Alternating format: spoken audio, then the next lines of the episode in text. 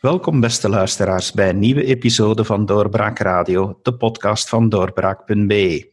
Ik ben David Geens en ik heb vandaag de gast professor Injaas de Vis, professor in de filosofie, medische filosofie en ethiek. En met hem ga ik praten over medische ethiek in de huidige coronacrisis.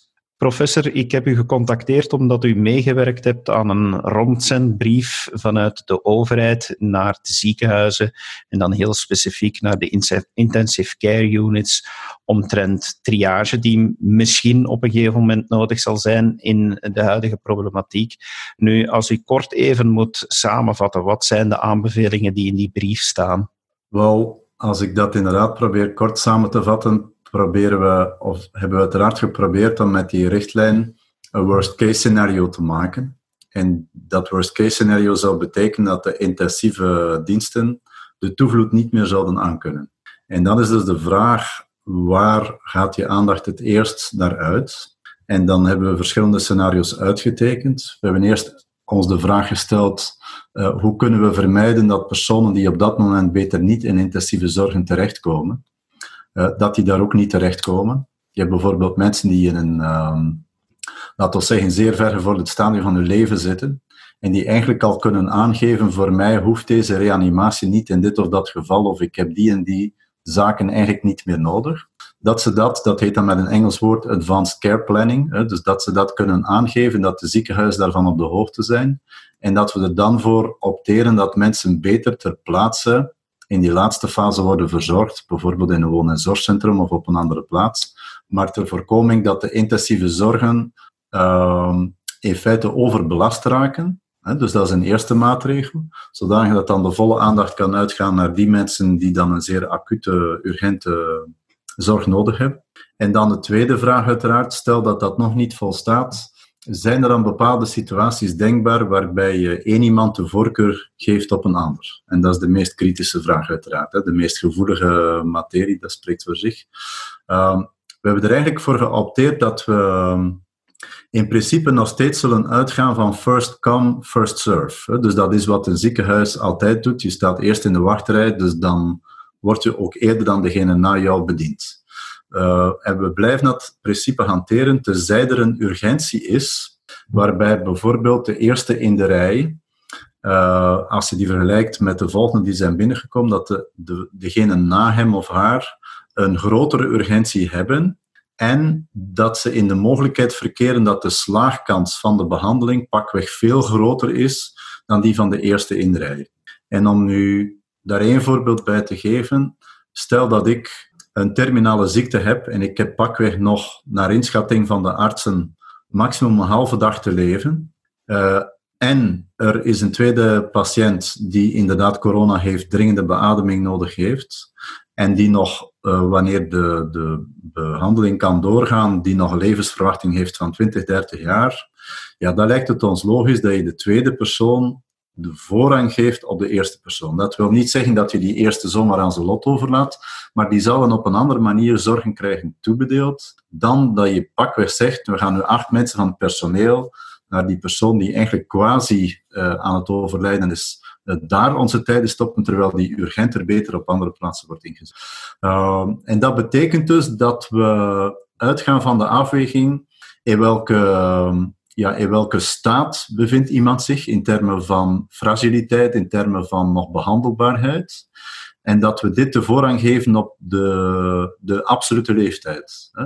Omdat als je met leeftijden gaat werken, ga je altijd iemand hebben die net in de buurt van de grens komt en dan eigenlijk toch weer niet in aanmerking komt. En bovendien, ja, iemand van pakweg 67 jaar die nog perfect kan genezen, die heeft een levensverwachting van pakweg 15, 20 jaar. Als je dat vergelijkt met iemand die een stukje jonger is, maar die eigenlijk in een te ver gevorderde uh, fase van een ziekte zit, ja, dan opnieuw lijkt het ons logisch dat je probeert die mensen te redden die nog meer de mogelijkheid hebben om er weer door te raken. Hè?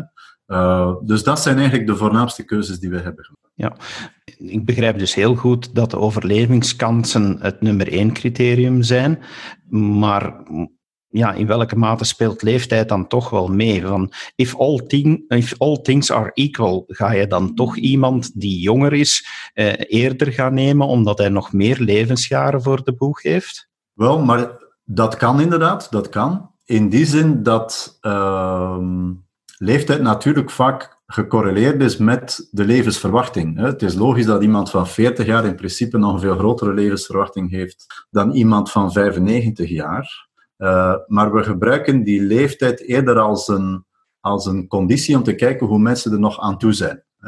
Maar het is logisch dat leeftijd uh, gekoppeld is aan de mogelijkheid om, om daarna nog op een goede manier door het leven te gaan, of de kans dat de behandeling ook slaagt. En uh, leeftijd is dan eerder datgene wat vasthangt aan de algemene ziekte of gezondheidstoestand op dat moment, dan dat het een criterium op zich vormt. Is dat geen verschil met wat uh, bijvoorbeeld sommige ziekenhuizen al zelf beslist hebben? Zeker, dat is misschien een beetje de moeilijkheid vandaag. Ik ben blij dat je die vraag stelt. Dus waar ik heb aan meegewerkt, is een advies van op federaal niveau voor alle ziekenhuizen in België. Nu, dat is en blijft een advies. Dat betekent, alle ziekenhuizen in België hebben nog altijd de vrijheid om een eigen beleid daarin te ontwikkelen. En dat is nu dus ook volop aan de gang. En dat betekent dat bepaalde ziekenhuizen toch meer nadruk zullen leggen op leeftijd, andere ziekenhuizen daar weer andere criteria naar voren zullen schuiven. Dat, dat zullen nooit, laten we zeggen, adviezen zijn of richtlijnen zijn die elkaar helemaal tegenspreken, maar het kan te maken hebben met een bepaald accentverschil. maar wat wij hebben gedaan, of waar ik heb aan meegewerkt, dat is louter een advies en geen bindende richtlijn. Dus wat dat betreft blijft men in België ervoor opteren. Elk ziekenhuis moet nu ook al omdat vaak de lokale situaties kunnen verschillen, uh, meer of minder patiënten, bepaalde voorraden die net zijn opgebruikt, en dat men eigenlijk ter plaatse, naar het oordeel van de artsen die dan aan het werk zijn, moet kunnen oordelen hoe men daarmee aan de slag gaat. Dus het is eerder een instrument dat dient om verder verfijnd te worden. Het is ook een zeer algemeen kader, dan dat het echt een bindende richtlijn is die er voor elk ziekenhuis. Ja, uiteraard is het uh, niet een ja, een systeem, een, een flowchart, waar, waarmee dat je iedere beslissing kan gaan afwegen. En dat maakt het natuurlijk net zo moeilijk. Want wat doe je bijvoorbeeld met de kwaliteit van het leven? Wederom bij gelijke kansen en er is maar één bed beschikbaar, terwijl er op dat moment twee vragen zijn. Eh, iemand die, ja, ik zal maar normaal noemen, en bijvoorbeeld mentaal zwaar gehandicapt. Hoe moet je dan als arts een keuze maken? Wel, daar zal men, omdat men oordeelt dat dat in feite geen uh, criterium kan zijn, hè, daar zal men eerder uh, dat principe blijven hanteren van first come, first serve. Dus er zijn een aantal criteria waar we rekening mee houden, omdat die de slaagkansen van een behandeling of de, de levensverwachting kunnen beïnvloeden. Waar we niet naar kijken, is de maatschappelijke positie, uh, de maatschappelijke verdiensten, Ehm, en zeg maar andere kenmerken van de persoonlijkheid die misschien in andere situaties tegen elkaar worden afgewogen. Dit, deze oefening gebeurt dus niet, omdat we ervan uitgaan, elk leven moet in principe evenwaardig zijn, daarom niet gelijk, maar wel gelijkwaardig.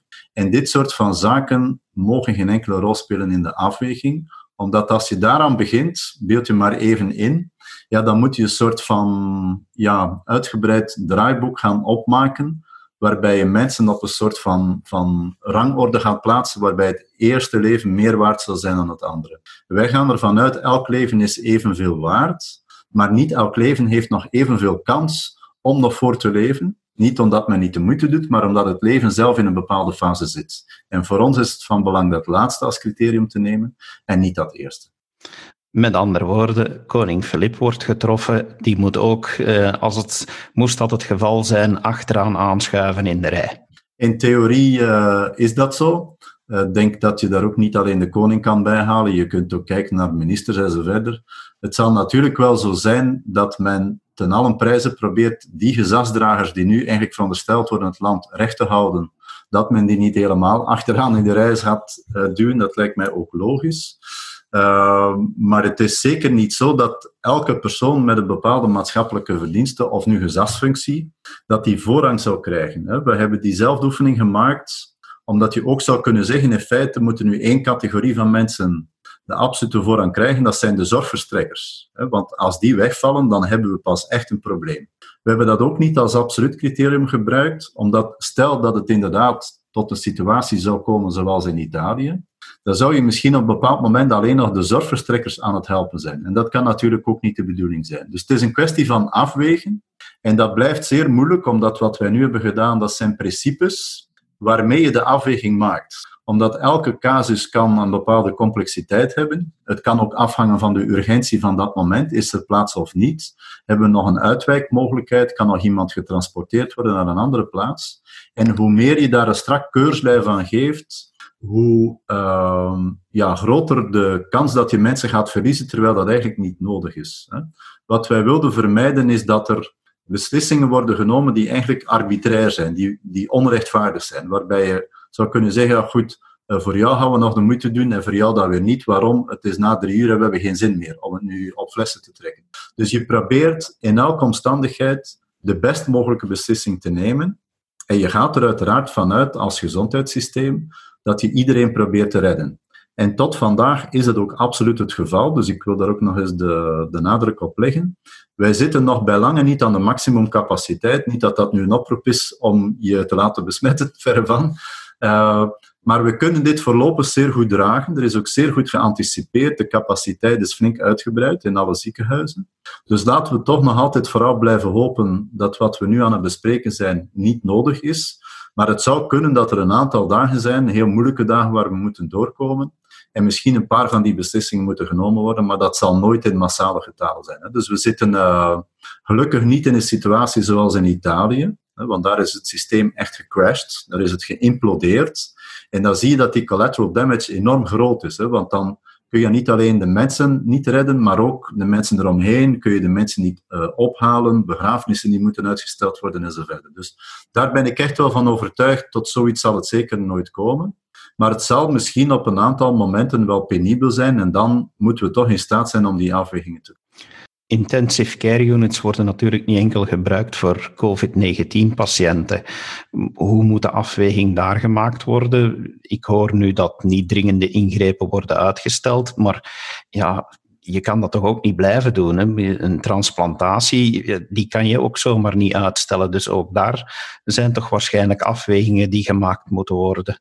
Zeker en vast. En het is zeker zo dat, uh, laten we zeggen, de rest van de ziekenhuizen, die blijven natuurlijk ook draaien. Dus wat men heeft gedaan, is al uh, inderdaad alle ingrepen die met 12 weken kunnen worden uitgesteld, die heeft men uitgesteld. Nu weet je ook, je kunt dat één keer doen, maar je kunt dat niet blijven doen, want uh, als iets 12 weken wordt uitgesteld, kan het daarna urgenter worden dan het 12 weken daarvoor was. Dus laten we hopen dat de voorspelling van Mark van Ranst inderdaad klopt en dat deze pandemie in België een acht à tiental weken zal duren, dan zou dat in principe betekenen dat we zeker niet die termijn van 12 weken moeten overschrijden en dat daarna het ziekenhuis terug op een normale manier kan functioneren. Uh, wat het vandaag eigenlijk tot, uh, tot nader order ook doet. Hè. Het is zeker niet zo dat mensen moeten denken, ik kan niet meer naar de spoeddienst of ik, ik ben, uh, weet ik veel, gevallen en ik heb een zware beenbreuk. Ja, uiteraard ga naar het ziekenhuis. Dus die mensen worden ook geholpen. Het is alleen zo dat men bepaalde operatiekwartieren bijvoorbeeld nu heeft heringericht tot uh, opvangzalen voor mensen met uh, coronabesmetting, omdat we zo die capaciteit uitbreiden en van de tijdelijk lege zalen maximaal gebruik maken. In uw antwoord op mijn eerste vraag, ja, daar verwees u al dat er, dat er natuurlijk ook richtlijnen zijn voor mensen die ja, die, die in een andere situatie, die al verderop in hun leven zijn, moet ik dan denken, en bedoelde u daarmee, om daar even dieper op in te gaan, bedoelde u daar dan eh, hulpbehoevende mensen mee die in woonzorgcentra zijn, depenterende mensen, zijn, zijn dat mensen met wie dat er nu best al gepraat wordt van uh, als het nog gaat natuurlijk, want dementerende, daar zal dat niet mee gaan. Maar moet er met hen gekeken worden van, ja, uh, als het zich voordoet, wat wilt u dat we doen? Of uh, is dat een beslissing die voor hen moet genomen worden? Wel, dat is inderdaad de bedoeling dat men zoveel mogelijk, dat is altijd al de bedoeling, hè, maar die inspanningen worden nu wat opgedreven. Dat men zoveel mogelijk weet van elke persoon wat eigenlijk diens wensen en voorkeuren zijn. Je hebt veel mensen die zeggen, ja, maar kijk, als ik in een bepaalde fase beland, dan hoeft die behandeling voor mij niet meer, dan is het genoeg geweest voor mij. En het zou eigenlijk zonde zijn, zowel voor de wens van die persoon als voor een overbevraagd systeem, dat we die mensen dan alsnog in een bepaald behandelingsplan duwen waar ze eigenlijk geen zin meer in hadden. Dus hoe meer we dat weten, hoe beter. Maar nu natuurlijk, we zitten in een acute situatie. We hebben nu niet de tijd om alle woon- en zorgcentra na te gaan, of andere diensten ook, om te gaan kijken wie wil wat. Maar het is wel zo dat men daar probeert om maximaal met alle instellingen samen te werken, zodanig dat op een ogenblik dat zich een acute situatie voordoet, uh, dat men heel snel kan overleggen tussen de verschillende diensten in en dat dan een arts uh, die afweging, of samen met een aantal andere mensen, die afweging kan maken en dan de beslissing kan nemen. Hè. en in een aantal gevallen, bij mensen die het niet meer kenbaar kunnen maken, zullen inderdaad artsen daarover beslissen, maar dat is in feite iets wat ze altijd al doen. Hè. Dus we moeten dat ook goed kaderen. Wat nu voor ligt, is in feite een, een verscherping van wat in een ziekenhuis altijd gebeurt. Zeker op intensieve zorgen. Dat is dat artsen op een bepaald ogenblik de afweging moeten maken, heeft die behandeling nog zin? Alleen is het nu dat die, die druk op die diensten zo groot is geworden dat ze die afwegingen meer moeten doen en zeker ook iets sneller zouden moeten uitvoeren dan normaal. Vandaar ons pleidooi ook, zorg ervoor dat er altijd mensen zijn waarmee men kan overleggen, dat dit in team wordt gedragen, die beslissing, zodanig dat dat niet op de nek van één specifieke arts terechtkomt. Moet het ook niet breder gedragen worden? Worden er nu ook niet meer artsen bij betrokken die normaal gezien geen ervaring hebben? Ik denk aan artsen buiten ziekenhuizen, de artsen die niet op spoeddiensten staan en dus eigenlijk hier geen ervaring mee hebben. Worden zij hierin begeleid? Uh, ik ga er maar vanuit dat dat zo is. Ik ben daar niet zo nauw bij uh, betrokken. Maar wat in het uh, advies dat we hebben uitgewerkt staat, is dat het moet gaan om uh, ervaren, uh, dus senior consultants, zo heet dat dan, dus ervaren personeel, dat in staat is om mensen, gesteld dat er mensen nu die, die in feite een andere specialisme hebben, toch worden ingeschakeld op die dienst, zodanig dat die uiteraard worden bijgestaan. Dus het zal zeker niet tot een situatie komen waarbij, laten we zeggen, een zeer onervaren persoon alleen een beslissing moet nemen. Dat is uitgesloten. En twee, wat we ook voorzien, is dat elke uh, arts uh, of elk uh, team van artsen daarna ook beroep kan doen op psychologische ondersteuning. En we hebben ook een systeem wat dan heet debriefing. Dus dat men na een, een aantal diensten te hebben meegedraaid, ook in een, in een kleine groep van mensen ervaringen kan uitwisselen. Al is het maar inderdaad om die, om die psychologische nood een beetje te lenigen. En ook om te kijken van goed, kunnen we beslissingen nog verfijnen? Kunnen we elkaar beter bijstaan? Hoe gaan we hiermee om in de toekomst enzovoort? Ja, want psychologisch is dat natuurlijk zwaar. Uh, artsen zijn natuurlijk wel gewoon om, of ja, gewoon worden deels geleerd om te beslissen, soms over leven en dood. Maar als dat natuurlijk een hele reeks na elkaar wordt, dan hoop ik dat ze inderdaad psychologische begeleiding krijgen. Zijn, zijn de ziekenhuizen daar nu al actief mee bezig? Ja. Ja, absoluut. Daar zijn ze zeer actief mee bezig. Het is ook zo dat die artsen voortdurend op hun beroep kunnen doen. Um, en het is zelfs zo dat die inspanningen nu nog worden opgedreven, net omdat die situatie zo acuut is. En dat je ook moet uh, inbeelden, stel dat deze crisis inderdaad nog x aantal weken duurt, ja, die mensen moeten wel, de artsen en de verpleegkundigen moeten wel in staat zijn om te blijven functioneren. En dan gaat het om meer dan alleen maar heb je je beschermingskledij, maar mensen moeten het ook uithouden in een functie. En we mogen dat niet onderschatten. Dit is natuurlijk fysiek een heel zware belasting. Maar mentaal is dit ook enorm belastend voor iemand om voortdurend met hoge frequentie dat soort beslissingen te moeten nemen. Dus die, die steun die hebben ze zeker nu al. En waar men kan, dan probeert men die echt nog op te drijven. Denkt u dat we heel dicht staan bij het moment waarop dokters uh, de hele moeilijke beslissingen gaan moeten nemen omdat er bedden te weinig zijn? Ik vind het moeilijk om daar een inschatting van te maken, maar ik, ik ben een filosoof en geen arts, dus ik, ik laat mij ook niet zo graag uit op terreinen waar ik geen expertise in heb.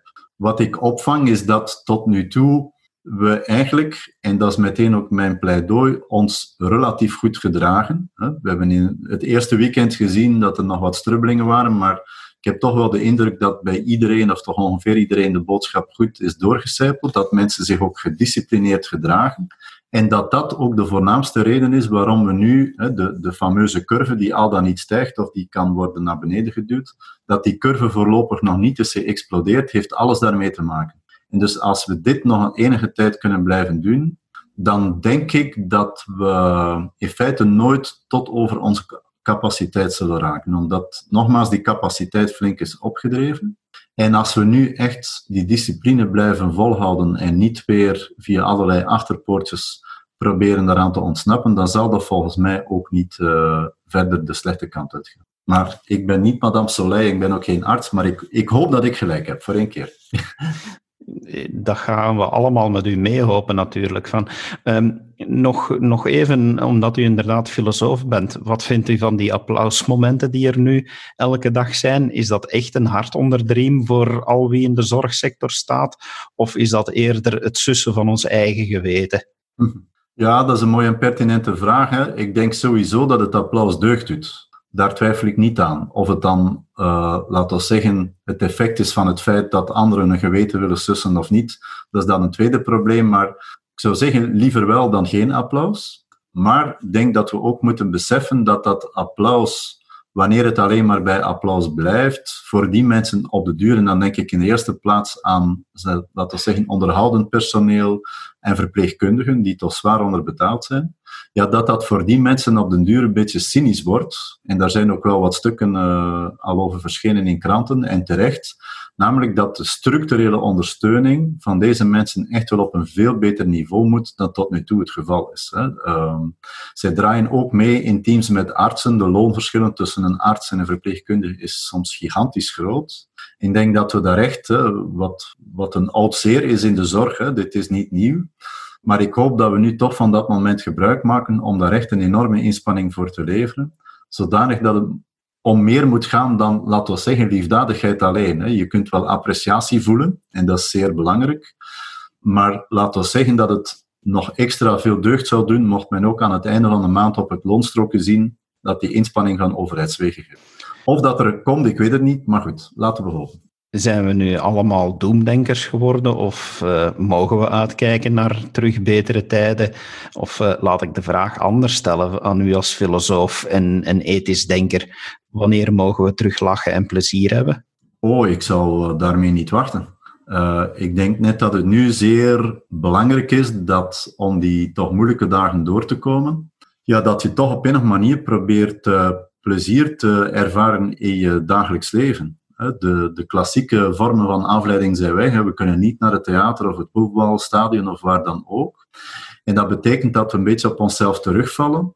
Maar ik vind niet dat we daardoor in de collectieve mentale depressie moeten gaan. Uh, als ik uh, kort boodschappen doe en ik zie mensen op straat, ja, dan lijkt het inderdaad alsof je niet meer mag glimlachen. Terwijl ik denk, net nu moeten we dat vooral wel doen, want dat is het enige wat we momenteel nog hebben. Dus laten we dit vooral niet vergeten. Het is niet omdat je lacht dat je de situatie niet zou inzien of de ernst ervan zou onderschatten. Maar het kan een manier zijn om nu die moeilijke dagen door te komen. En denk ik ook een heel belangrijk instrument om er niet zelf van onderdoor te gaan. Dat is heel duidelijk uh, advies aan onze luisteraars, professor De Vis. Hartelijk dank uh, voor uw bijdrage aan onze podcast. Beste luisteraars, uh, ook bedankt dat jullie geluisterd hebben. En we hopen jullie een volgende keer opnieuw te mogen begroeten in een volgende episode. Dankjewel en tot ziens. Dag. Dit was een episode van Doorbraak Radio, de podcast van doorbraak.be. Volg onze podcast op doorbraak.be/slash radio of via Apple Podcasts, Overcast of Spotify. Bezoek ook onze website op doorbraak.be en steun ons door een vriend te worden van Doorbraak.